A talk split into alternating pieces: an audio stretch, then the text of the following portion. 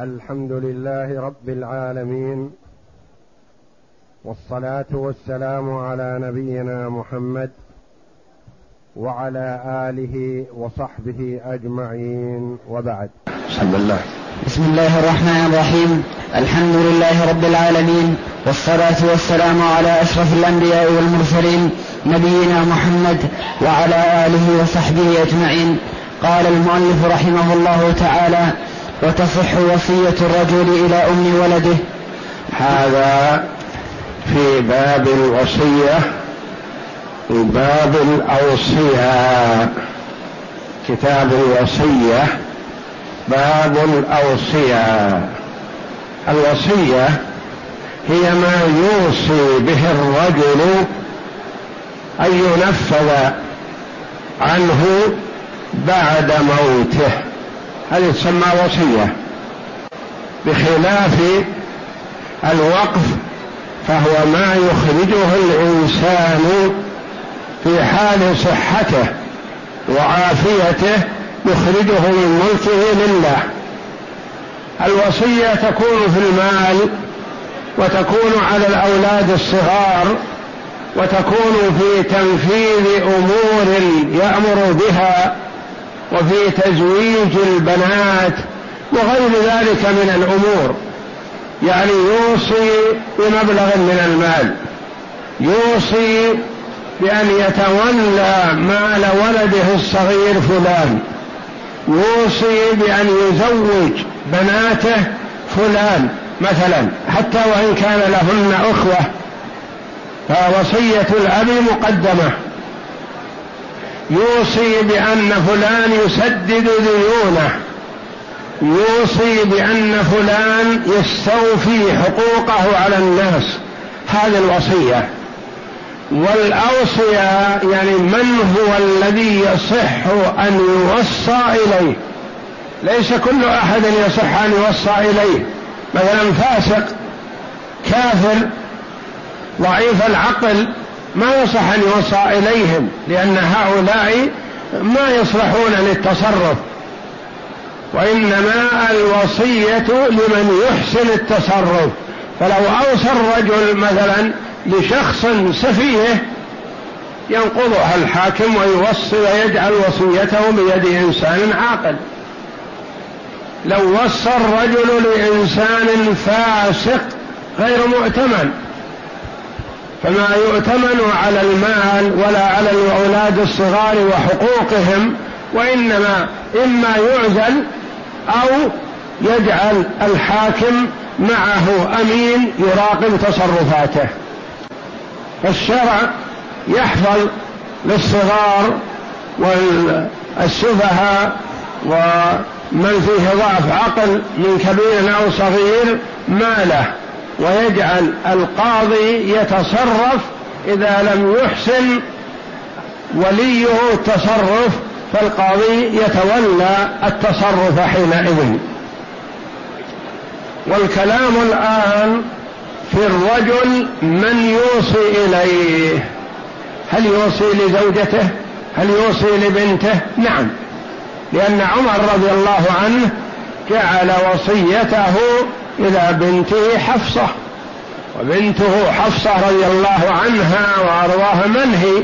هي أم المؤمنين زوج رسول الله صلى الله عليه وسلم فاستدل العلماء بهذا الفعل على جواز أن يكون وصي الرجل امرأة زوجته بنته أخته عمته خالته مثلا وهي توكل عن الشيء الذي ليس في مقدورها.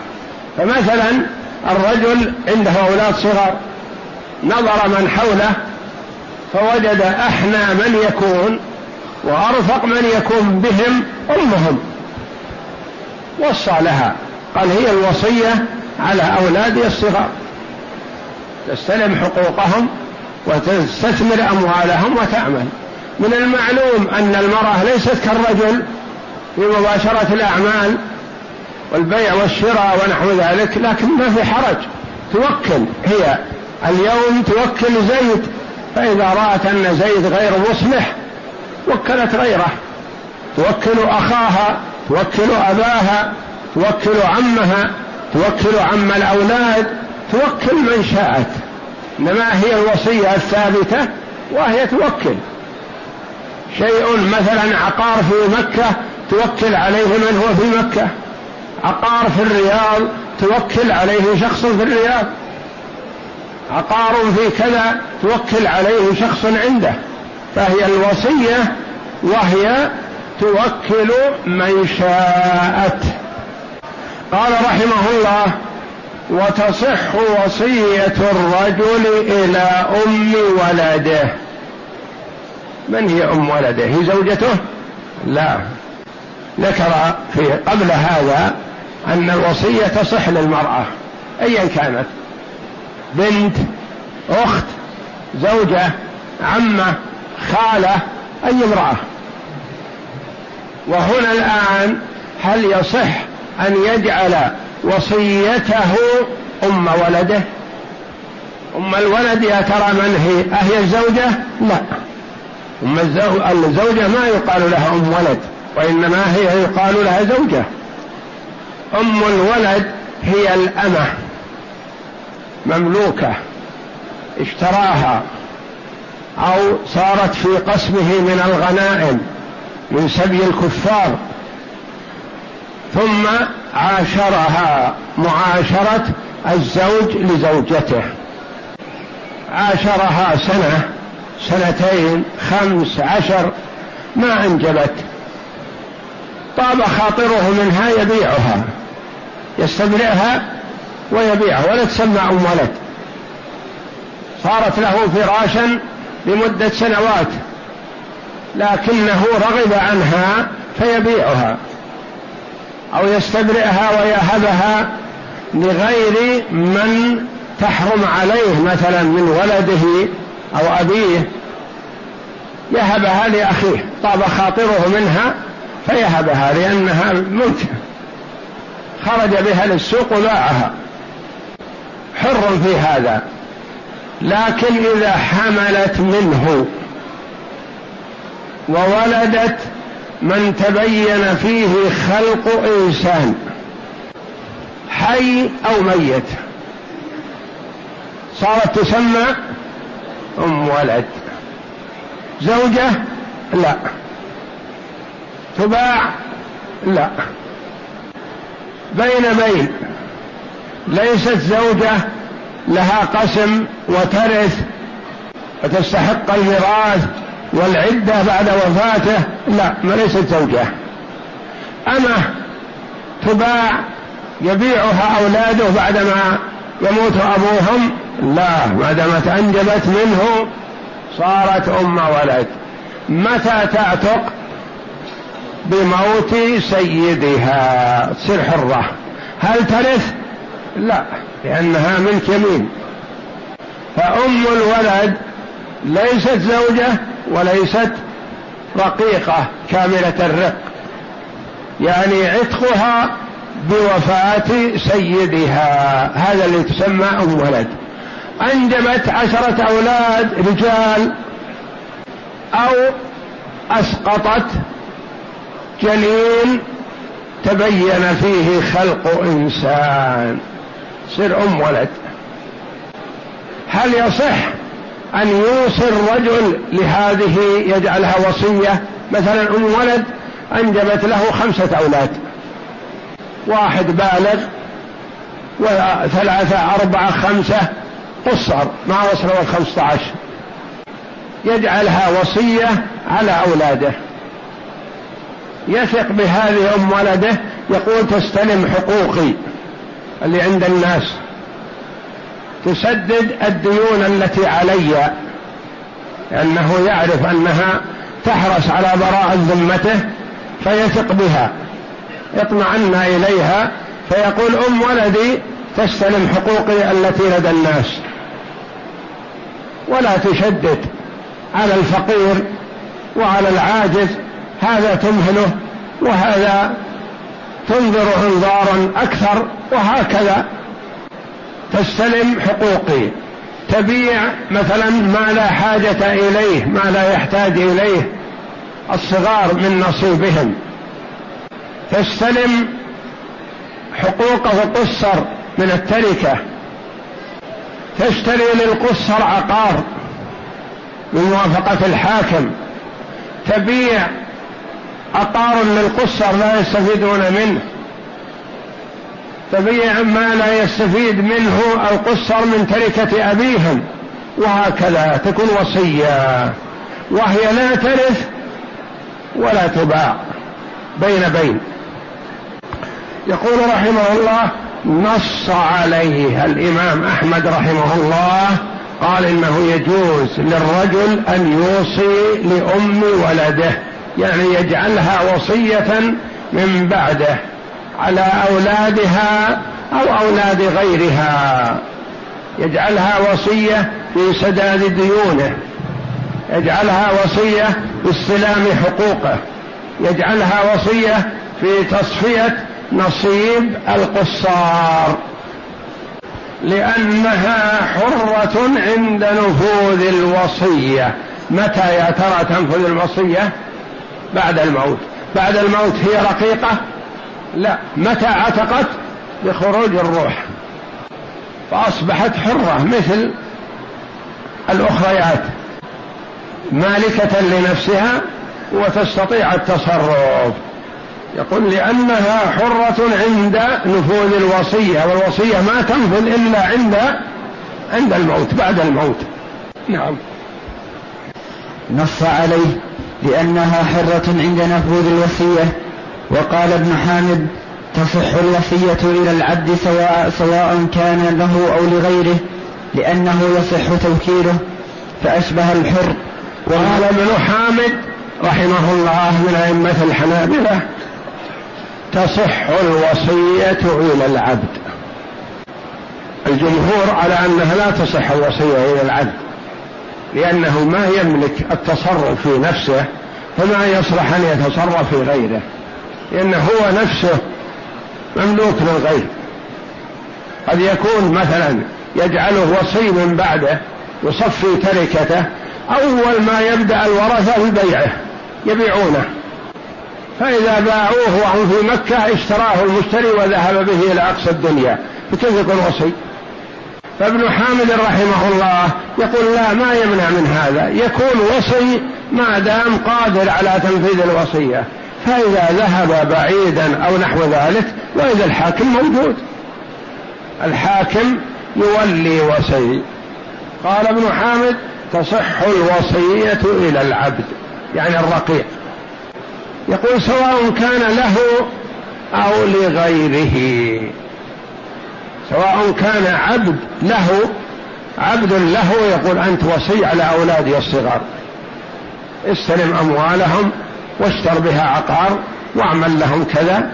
أنت وصي رقيق عبدي أنت عبدي اشتر سدد الحقوق اللي علي. أنت تعرف. والدفتر موجود وأكثر من يكتب فيه أنت أن تكتب في الدفتر وتعرف الحقوق التي لي والحقوق التي علي. أنا أثق فيك سدد. أنت وصي من بعدي. نفذ. يصح يقول ابن حامد. ومعقول هذا.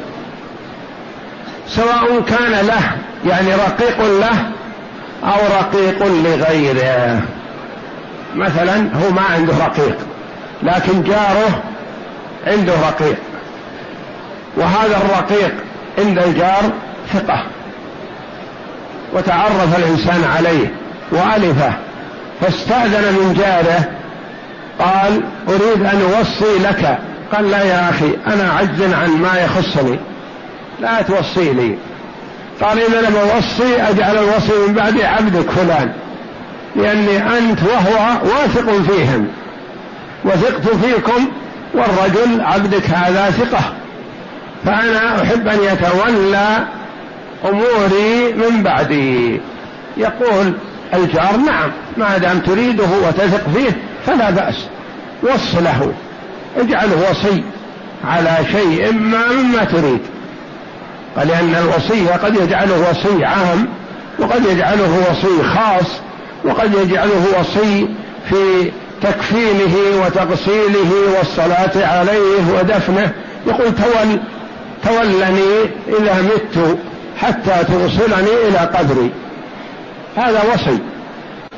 سواء كان له أو لغيره لأنه يصح توكيله. نعم العبد يصح توكيله في أمر من الأمور. أنت لك حقوق. عند شخص مثلا في جدة وكلت رقيق عندك تقول اذهب إلى جدة واستلم حقوقي من زيد وأنت موجود. يذهب يقول هذه وكالة معي من سيدي أعطني الحق الذي عندك له. لا بأس. يصح توكيله فأشبه الحر في هذه الناحية. أشبه الحر في هذه الناحية يعني أنه بما أنه يصح توكيله يصح أن يوصي إليه لأن الوصية إليه نوع من التوكيل إلا أن التوكيل في حال الحياة والوصية بعد الموت. مثلا يقول اذهب إلى عميلي في جدة واستلم الحقوق ويعطيه وكالة. هذه تسمى وكالة. قال إذا أنا مت فاذهب إلى عميلي في جدة واستلم الحقوق التي عنده لي وسلمها للورثة. هذه وصية لأن تنفيذ بعد الموت. فأشبه الحر. نعم. والمكاتب والمدبر والمعلق عتقه بصفة كالقن لأنهم عبيد.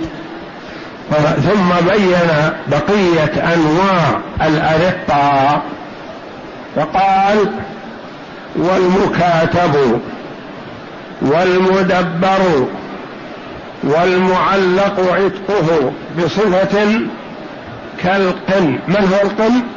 العبد الذي نص عليه في الأول. قال محامد تصح الوصية إلى العبد. هؤلاء مثل العبد من بعض النواحي وإن كانوا يتميزون عليه ببعض الأشياء. فيقول ما دام قلنا تصح الوصية إلى العبد فتصح الوصية إلى المكاتب. من هو ترى المكاتب؟ سيأتي. والمدبر من هو المدبر؟ سيأتي بيانه. والمعلق عتقه بصفة من هو؟ سيأتي. والقن هو الرابع سيأتي بيانه. كلهم يقول لأنهم عبيد ليسوا بأحرار هؤلاء. فما دام صححنا الوصية على قول ابن حامد صححنا الوصية للعبد فتصح للمكاتب وتصح للمدبر وتصح للمعلق عتقه بصفة مثل ما صحت للقن الرقيق الخالص. من هو المكاتب؟ المكاتب هو رقيق. اشترى نفسه من سيده بأقساط يدفعها له شهريا أو سنويا فإذا سلم كامل الأقساط عتق. وما دام لم يسلم كامل الأقساط فهو رقيق. كيف صفة هذا؟ يقول الرجل مثلا عنده عبيد ملك له يرى من واحد حسن التصرف. فيريد أن يعتقه لكن ما يريد أن يعتقه مجانا. يقول تعال يا ولدي أنت عندك حسن تصرف وتصلح للتجارة والعمل. استرزق الله بقدرتك وفهمك وإدراكك. أنا أبيعك على نفسك بخمسين ألف ريال. سلي لي كل شهر ألف ريال. فإذا سلمت المبلغ تكون حر. هذا يسمى مكاتب يطلق يروح يعمل يشتغل يتكسب وكل شهر يسلم ألف. فإذا سلم تسع وأربعين ألف وبقي عليه ألف قال عجزت. وهو رقيق ما ما تميز بشيء. إذا سلم خمسين ألف صار حر. لأنه أحيانا يفكر فيعجز نفسه. سلم إلى تسعة وأربعين ألف. بقي عليه قسط واحد. يسلمه يتحرر قال لا أنا الآن مكفول الهم. ملك سيدي ينفق علي. ويوجها ويدبرا وعمل وكذا. إذا عتقت عندي أولاد. ونساء وسيدي يرحلني يقول يلا توكل على الله. اذهب أنت كجاري أصبحت الآن وأنا منفق عليك ولا يسكنك. فذهب يقول أبحل بنفسي أتعب. لا لا أبقى رقيق أنا من تحت يدي عند سيدي ولا أريد الحرية. هذا المكاتب والمكاتب قن ما بقي عليه درهم. والمكاتب يستطيع باختياره أن يعجز نفسه. يقول يا سيدي عجزت ما مسدد ماذا يكون؟ يرجع قن عبد. هذا المكاتب. والمدبر. المدبر هو ما أعتقه الرجل عن دبره. يعني يقول يوم موتي يكون هذا عتيق. هذا مدبر. نهاية حياتي يكون هذا حر. هذا يسمى مدبر. والمعلق عتقه بصفة. المعلق عتقه بصفة. يقول إذا قدم ولدي من سفره البعيد فعبدي فلان حر. قدم الولد يكون حر. يقول إذا شفى الله مريضي أو شفيت أنا من مرضي هذا واستطعت أن أصلي في المسجد فعبدي هذا حر. هذا معلق عتقه على الصفة وهي شفاء السيد أو ولده من المرض وتمكنه من الصلاة في المسجد. والمعلق عتقه بصفة كالقن. القن من هو؟ هو الذي ما فيه صفة حرية ولا علق ولا مكاتب مثل الأول. الذي هو عبد ما باعه على نفسه ولا علق عتقه على صفة من الصفات. نعم. وفي الوصية إلى الصبي العاقل وجهان أحدهما تصح لأنه يصح توكيله فأشبه الرجل والثاني لا يصح لأنه ليس من أهل الشهادة فلا يكون وصيا كالفاسق. وفي الوصية إلى الصبي العاقل الفرق بين الصبي الصبي والرجل. إذا بلغ يقال له رجل. ما بلغ يقال له صبي. علامات البلوغ للرجل مثلا نبات الشعر الخشن حول القبل العانة أو الاحتلام أو بلوغ خمس عشرة سنة. يقال بلغ.